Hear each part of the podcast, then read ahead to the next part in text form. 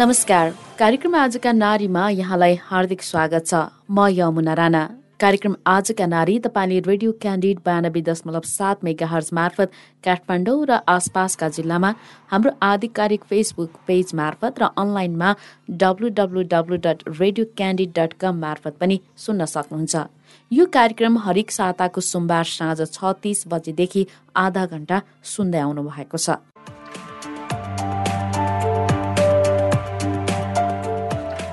कार्यक्रम आजका नारीमा हामी महिलाहरूको हरेक पक्षका बारेमा समेट्ने प्रयास गर्छौं। महिलाहरूको आजको अवस्था उनीहरूको समस्या सङ्घर्ष चुनौती उनीहरूको सफलताको कथा महिलासँग सम्बन्धित विभिन्न घटना र समस्या समाधानको उपायका बारेमा पनि कुराकानी र सामग्रीहरू राख्ने गर्छौं।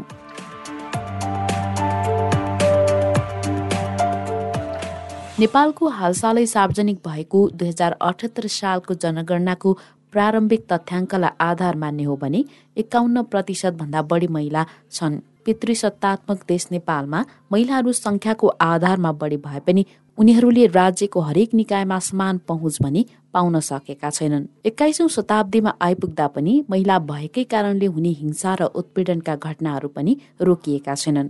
त्यही उत्पीडनमा परेका लिङ्ग जाति र समुदायको नाममा विभिन्न आन्दोलन र परिवर्तनका साथै दस वर्षे जनयुद्ध भयो। तर पनि एकाध र औलामा गर्न सकिने व्यक्तिहरूको मात्रै जीवन परिवर्तन भएको छ।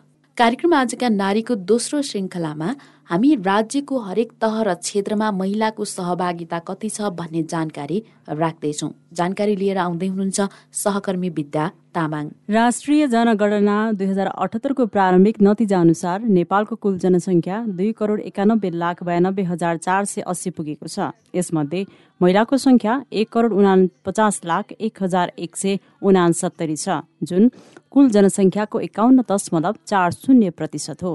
यसले देशमा पुरुषभन्दा महिला करिब छ लाख नौ हजार बढी भएको देखाएको छ। दस वर्ष अघि दुई हजार अडसठी सालको जनगणनामा पुरुष र महिलाको हिस्सा क्रमशः अडचालिस दशमलव पाँच र एकाउन्न दशमलव पाँच प्रतिशत थियो। जनसङ्ख्यामा महिलाको तथ्याङ्क बढी देखिए पनि व्यवहारिक पक्ष हेर्ने हो भने राज्यका सबै निकाय जस्तो आर्थिक सामाजिक राजनीतिक एवं प्रशासनिक क्षेत्रमा भने महिलाको अवस्था तुलनात्मक रूपमा पुरुषभन्दा कमजोर रहेको राष्ट्रिय महिला आयोगले गरेको पछिल्लो एक अध्ययनले देखाएको छ।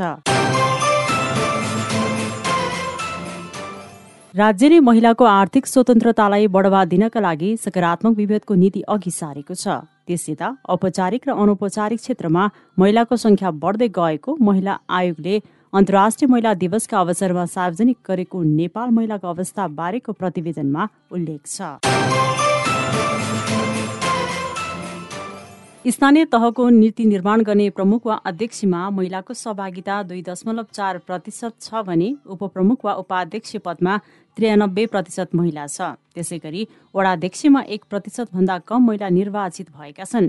साथै मनोनयन प्रणालीबाट केही मात्रामा भए पनि महिलाको सहभागिता वृद्धिमा सहयोग पुगेको छ। संविधानले देशभर सात सय त्रिपन्नवटा स्थानीय तह रहने व्यवस्था गरेको छ। यी स्थानीय तहका निर्वाचित कुल सदस्य संख्या पैँतिस हजार एकचालिस रहेकामा महिलाको संख्या चौध हजार तिन सय त्रिपन्न छ। यो आँकडा हेर्दा स्थानीय तहमा महिलाको प्रतिनिधित्व चालिस दशमलव नौ छ प्रतिशत देखिन्छ।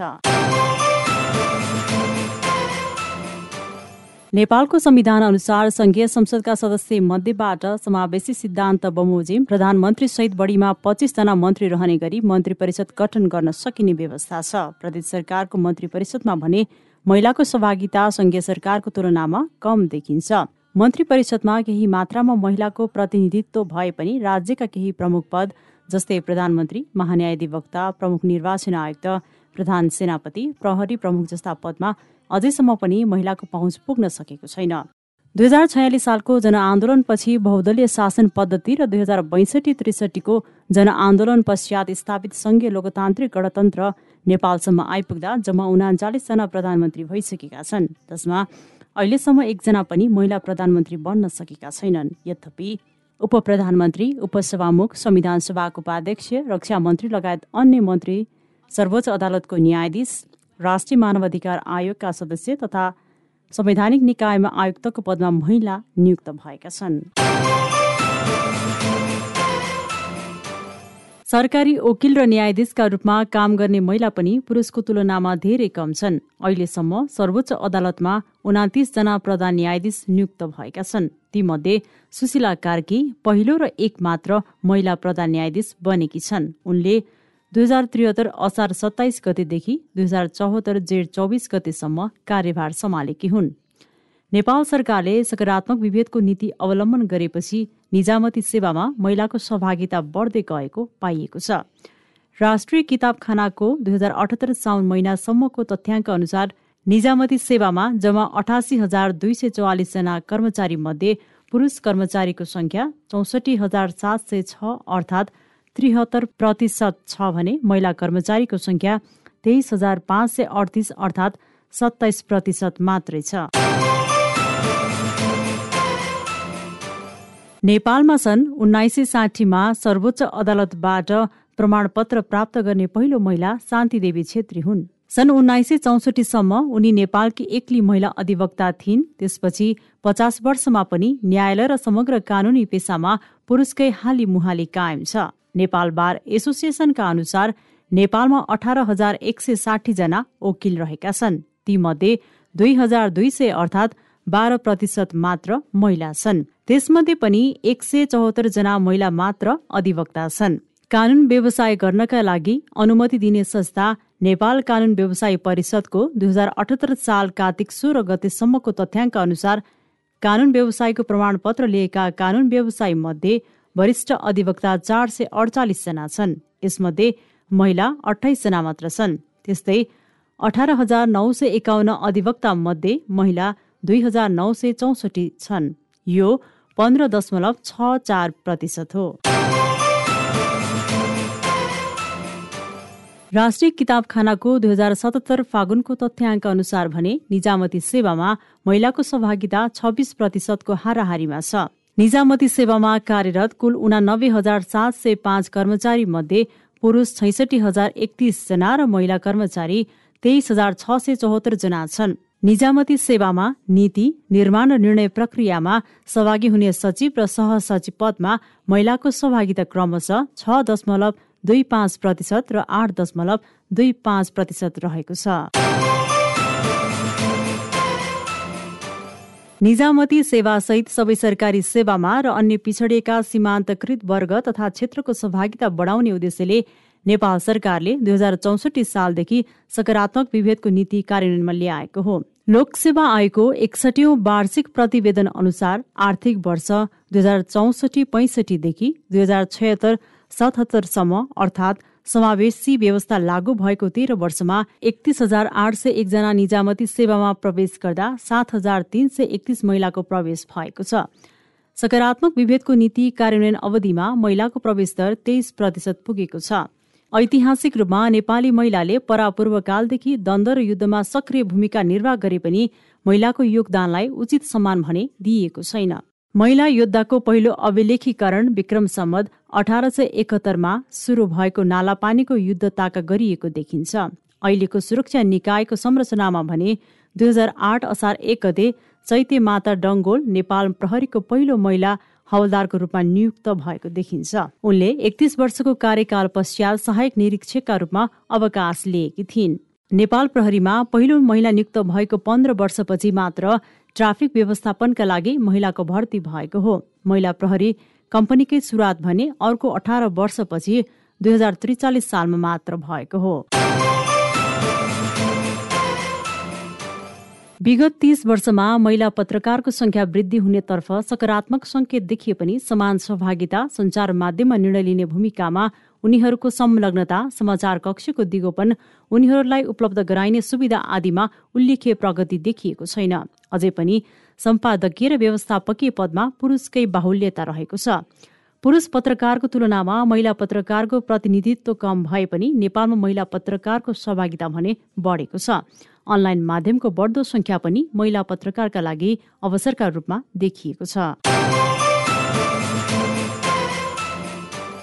नेपालको राजनीतिमा महिला सहभागिता एकदमै कम रहेको स्पष्ट छ। अझै पनि कतिपय राजनीतिक दलका केन्द्रीय समितिमा महिलाको तेत्तीस प्रतिशत सहभागिता छैन। मधेस केन्द्रित दलमा महिला प्रतिनिधित्व अत्यन्त कम रहेको पाइएको छ। दुई हजार बहत्तर सालमा संविधान जारी भएपछि सङ्घीय गणतन्त्र प्रणालीमा भएको यो पहिलो प्रदेश र स्थानीय निर्वाचन हो। यसमा निर्वाचन आयोगले तोकेको चालिस दशमलव चार प्रतिशत कोटा महिलाले हासिल गरेका छन्। विभिन्न दलले हरेक निकायमा कम्तीमा तेत्तिस प्रतिशत महिला सहभागिता अनिवार्य गर्नुपर्ने व्यवस्थालाई समेत दलका नेतृत्वले चुनौती दिएका छन्। त्यसैले सकभर महिलालाई सहभागी नै नगराउने गराए पनि तल्ला तहमा गराउने र कथक कदाचित गराइहाले पनि अधिकारविहीन बनाउने जस्ता व्यवहार नेताले प्रदर्शन गर्दै आएका छन्। श्रोता महिलाहरूमा हुने हिंसाकै कुरा गर्ने हो भने यो क्रम गर्भबाट नै सुरु हुन्छ भन्दा हुन्छ। अलि अघिसम्म छोराका लागि गर्भ जाँच्ने र छोरी भए भ्रूण हत्या गर्ने चलन थियो। पछिल्लो समय यो केही मत्तर भएको देखिए पनि यस्तो हिंसा पनि कायमै छ। भने जन्मिएपछि पनि नाबालिगदेखि नै हत्या र बलात्कार जस्तो जघन्य अपराधको शिकार महिला र बालिकाले भोग्नु परेको छ। यसै फागुन महिनामा मात्रै मोरङमा दुई नाबालिगले बलात्कारपछि ज्यान गुमाउनु परेको छ। गत फागुन एघार गते मोरङको लेटाङमा विद्यालयको पढाइ सकेर फर्किएकी बाह्र वर्षीय बालिका घर पुग्न पाइनन्। घर नआएपछि आफन्तले उनको खोजी गर्दा भोलिपल्ट लेटाङ नगरपालिका आठ स्थित लालहिरा सामुदायिक वनमा ढुङ्गाले छोपेको अवस्थामा ती बालिकाको शव भेटिएको थियो। अनुसन्धानका क्रममा स्थानीय चौसठी वर्षीय दीपक गिरीलाई प्रहरीले पक्राउ गर्यो। उनले बलात्कारपछि बालिकाको हत्या गरेको आरोप प्रहरीको छ। उक्त घटना सेलाउन नपाउँदै मोरङमै डेढ वर्षीय बालिकाको बलात्कारपछि हत्या भएको पाइएको छ। मोरङको सुन्दर हरैजा नगरपालिका साथ गणेशपुर स्थित आफ्नै घरमा खेलिरहेको अवस्थामा ती बालिका शुक्रबार साँझ साढे पाँच बजेदेखि हराएकी थिइन्।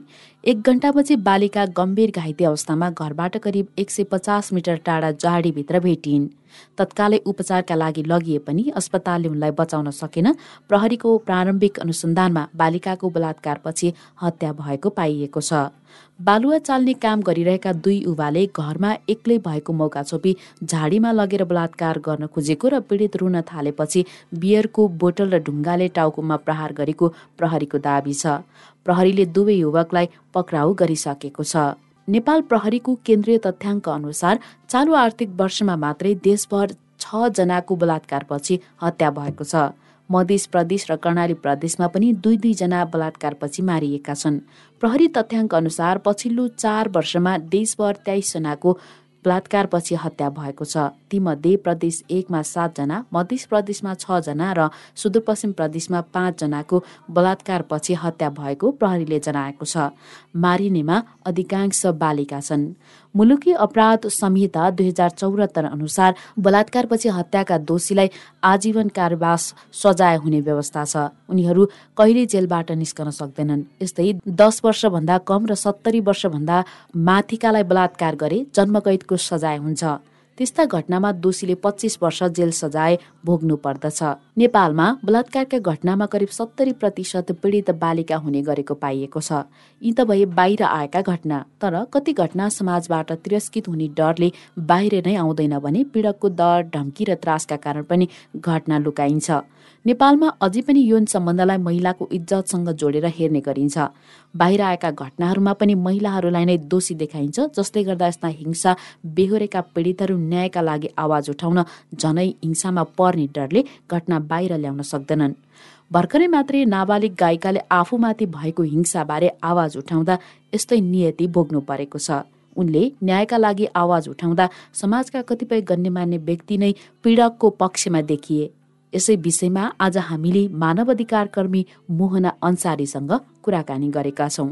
यहाँ एउटा मानव अधिकार कर्मी भएको नाताले चाहिँ यो घटनालाई चाहिँ कसरी हेर्नु भएको छ? बाटो सुरु गरौँ न म्याम। सामान्य रूपमा यो घटना घटेको देखिँदैन होइन? विशेष गरेर जसरी सार्वजनिक भयो त्यो सार्वजनिक हुने क्रममा यो घटना सामान्य रूपमा घटेको देखिँदैन। यो घटना पछाडि केही कारणहरू छन्। त्यो स्पष्ट छ जुन सामाजिक सञ्जालमा यहाँहरूले पनि हेर्नु भएको छ मैले पनि हेरेको छु। प्रश्न के छ भन्दाखेरि कसैलाई कुनै पनि प्रलोभनमा पारेर केही काम गराउनु नै गैर कानुनी हो कि? त्यो इच्छाले मान्छेले गर्छ त्यो आफ्नो ठाउँमा छ। तर प्रलोभनमा पारेर तिमी तिम्रो आवाज यस्तो छ तिमी यस्तो हुन सक्छौ यो हुन सक्छौ। मान्छेको सिप सबैमा मान्छेको सिप कला हुन्छ उसलाई माथि उठ्ने चाहना हुन्छ उसलाई चर्चित हुने चाहना हुन्छ तर यहाँनिर कस्तो छ भन्दाखेरि एउटा प्रलोभनमा पारिएको स्पष्ट देखिन्छ। त्यसपछि अर्को प्रलोभन सम्बन्धको प्रलोभन भविष्यमा गएर विवाह गर्ने हामीसँगै बस्ने त्यस्ता कुराहरू बाहिर आएका छन् होइन? त्यो जम्मै कुराहरू प्रलोभन हो कि एउटा बाल बाल मन हाम्रो अब कानुनमा भन्नुहोस् अथवा अन्तर्राष्ट्रिय एउटा मापदण्ड हुन्छ। सोह्र अठार होइन? त्यो बिचमा चाहिँ मान्छेको फरक किसिमको विकास हुन्छ। तर अब त्यो बेलामा उसले कतिपय कुराहरू सही गलत छुट्याउन पनि सक्छ नछुट्याउन पनि सक्छ। एकदमै यो एकदम द्वैध मानसिकताको पिरियड हुन्छ कि यो बेला चाहिँ। एकदम द्वैध मान्छेले के गलत के सहीलाई धेरैवटा अब यहाँ त नेपालमा त्यस्तो सम्भव छैन। अरू मुलुकहरूमा आफ्नो भविष्यलाई लिएर के पढ्ने के गर्ने त्यो काउन्सिलिङहरू हुन्छ कि? पिरियड अफ काउन्सिलिङहरू हुन्छ तर हामी कहाँ छैन। सो त्यस्तो अवस्थामा मान्छे हुन्छ कि त्यो बेलामा? के छान्ने के गर्ने? तर अब उसलाई एक किसिमको यस्तो संसार देखाइन्छ यस्तो चमक धमक देखाइन्छ उसले त्यो कुराको निर्णय गर्न सक्दैन सही गलतको। त्यो चमक धमक मात्रै उसलाई देखिन्छ। त्यो पिरियडमा राखेर कसैलाई दुर्व्यवहार हुन्छ कसैलाई अब्युज हुन्छ कसैको यौन शोषण हुन्छ भने त्यो त्यो पूर्णतया गैर कानुनी हो कि? तर एउटा कुरा हामीले बुझ्न के सकेनौँ र अथवा जसले बुझाउन सकेनौँ जस्तो मलाई लागिरहेको छ। अहिले एकदमै धेरै धेरै मान्छेहरूका धेरै किसिमका फरक विचारहरू आइरहेका छन्। कानुनभन्दा माथि कोही पनि छैन एउटा आम नागरिक पनि छैन न कोही पनि छैन कि कानुनभन्दा माथि? तर नेपालको कस्तो छ भन्दाखेरि नेपालको कागजमा लेखिएका कानुनहरू एकदम स्ट्रङ छन् कि? यो कानुनहरू व्यवहारिकतामा जाँदाखेरि यो कानुनहरूलाई यति गिजोलिन्छ कि? यति गिजोलिन्छ कि त्यो कानुन आफै कमजोर भएर जान्छ कि? त्यस कुनै पनि देशमा चाहिँ यस्तो किसिमको परिस्थिति हुँदैन जुन परिस्थिति अहिले हामी कहाँ छ कि? यो यो घटना त विचारको लागि मैले एउटा मात्रै कुरा भने विचारको लागि हरेक व्यक्ति स्वतन्त्र छ कि? पक्षधरता विचार होइन। हजुर। पक्ष दिएर कसैको पक्ष लिएर वकालत गर्नु त्यो विचार चाहिँ होइन। तर यसमा चाहिँ कतिपय व्यक्तिहरू खुलेरै पलको पक्षमा लागिरहनु भएको छ। यसले के पनि देखाउँछ भन्दाखेरि हामीमा चाहिँ यो कानुन सम्बन्धी अलिकति ज्ञान नभएको अथवा जुन खालले मान्छेहरूले कमेन्ट गर्नु भएको छ नि पहिला चाहिँ सम्बन्ध राख्ने बेला राख्ने पछि बिग्रिएपछि चाहिँ केस गर्ने खालको यो एकदमै यति सजिलो गरेर प्रश्न गर्दाखेरि चाहिँ हामीले यो यस्ता खालका घटनाहरूलाई चाहिँ अलिकति संयम तरिकाले नलिएको भन्ने हो कि? हाम्रो चेतना स्तर कस्तो छ भन्ने देखाउँछ के देखाउँछ? मैले चाहिँ एउटै कुरा के भन्छु भन्दाखेरि एउटा त आम मानिसमा कानुनको अनभिज्ञता त एकदमै धेरै छ होइन। हजुर। उहाँहरूलाई यो पनि थाहा छैन मैले सामाजिक सञ्जालमा उसको अनुमति लिएर अनुमति लिएर कुनै कुरा राख्नुपर्छ भन्ने सामान्य ज्ञान पनि छैन कि? तपाईँले यहाँबाट हेर्न सक्नुहुन्छ। कानुनी रूपमा के भन्छ भन्दाखेरि सार्वजनिक ओहदामा भएका व्यक्ति समेतको कुनै कुनै यस्तो परिस्थिति हुन्छ जहाँ अनुमति लिएर मात्रै फोटो राख्न पाइन्छ कि? हजुर। कसैको फोटो यतिकै उसको अनुमति बिना राख्न पाइँदैन। यो पहिलो नम्बरको गैर कानुनी कामहरू होइन? अहिले यसरी छ्याप छ्याप्ती ती बालिकाको फोटोहरू हामीले युट्युबहरूतिर पाउँछौँ हामीले टिकटकमा पाउँछौँ हामीले विभिन्न सामाजिक सञ्जालहरूमा पाउँछौँ हामीले विभिन्न व्यक्तिगतका आफ्ना वाल पोस्टहरूमा पाउँछौँ। दुवैजनाको फोटो राख्नु गैर कानुनी हो मैले मैले जोड्न खोजेको पनि यही हो जस्तो अर्को कुरामा अर्को कुरा के भन्न चाहन्छु भन्दाखेरि समाजको स्तर नि समाजको स्तर अहिलेसम्म फेरिएको छैन नेपाली समाजको।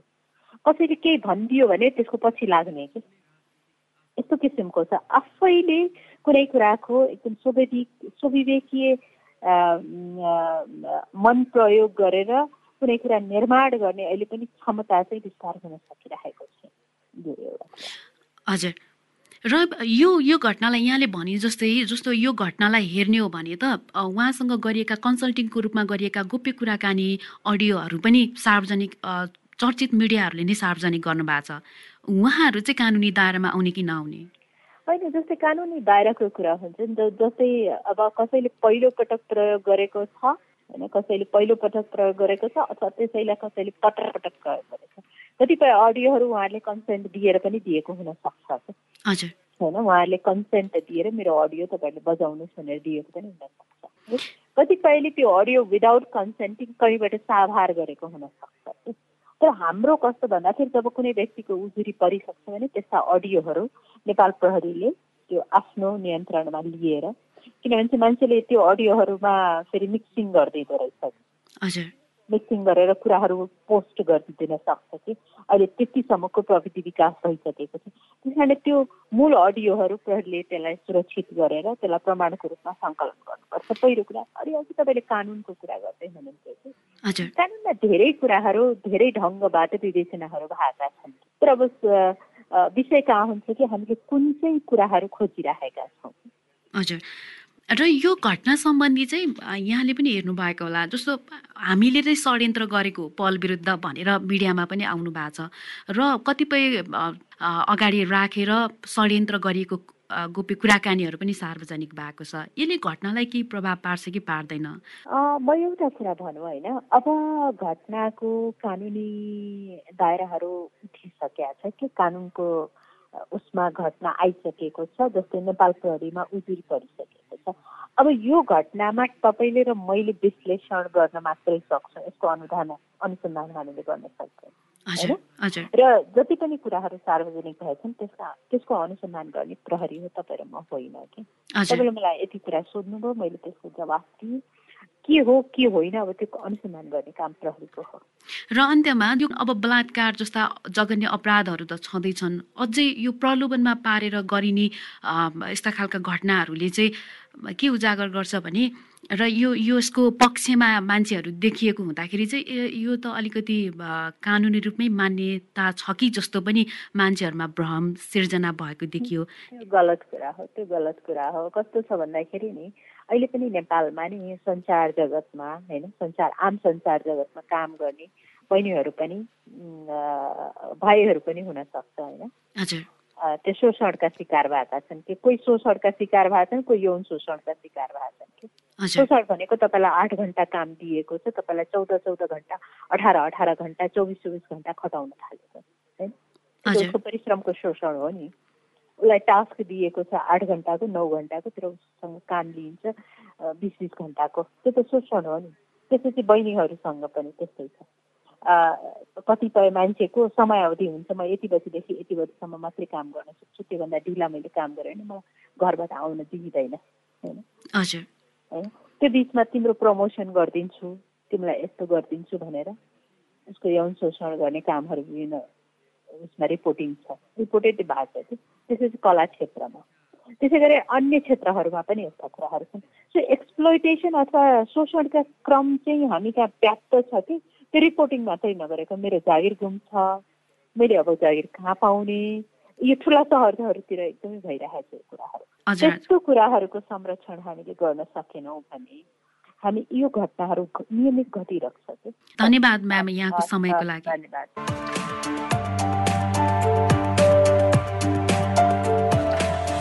तपाईँ अहिले रेडियो क्यान्डिड बयानब्बे दशमलव सात मेगा हर्जमा कार्यक्रम आजका नारी सुनिरहनु भएको छ। आज हामीसँग कुराकानीका लागि मानवाधिकार कर्मी मोहन अन्सारी हुनुहुन्थ्यो।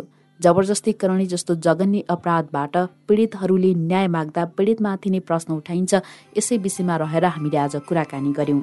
कुराकानीसँगै कार्यक्रमको समय सकिएको छ। अर्को साता पुनः उपस्थित हुनेछौँ। प्राविधिक मित्र सृजना भुजेल सहकर्मी विद्या तामाङ र म यमुना राणा विदा भयौँ। नमस्कार।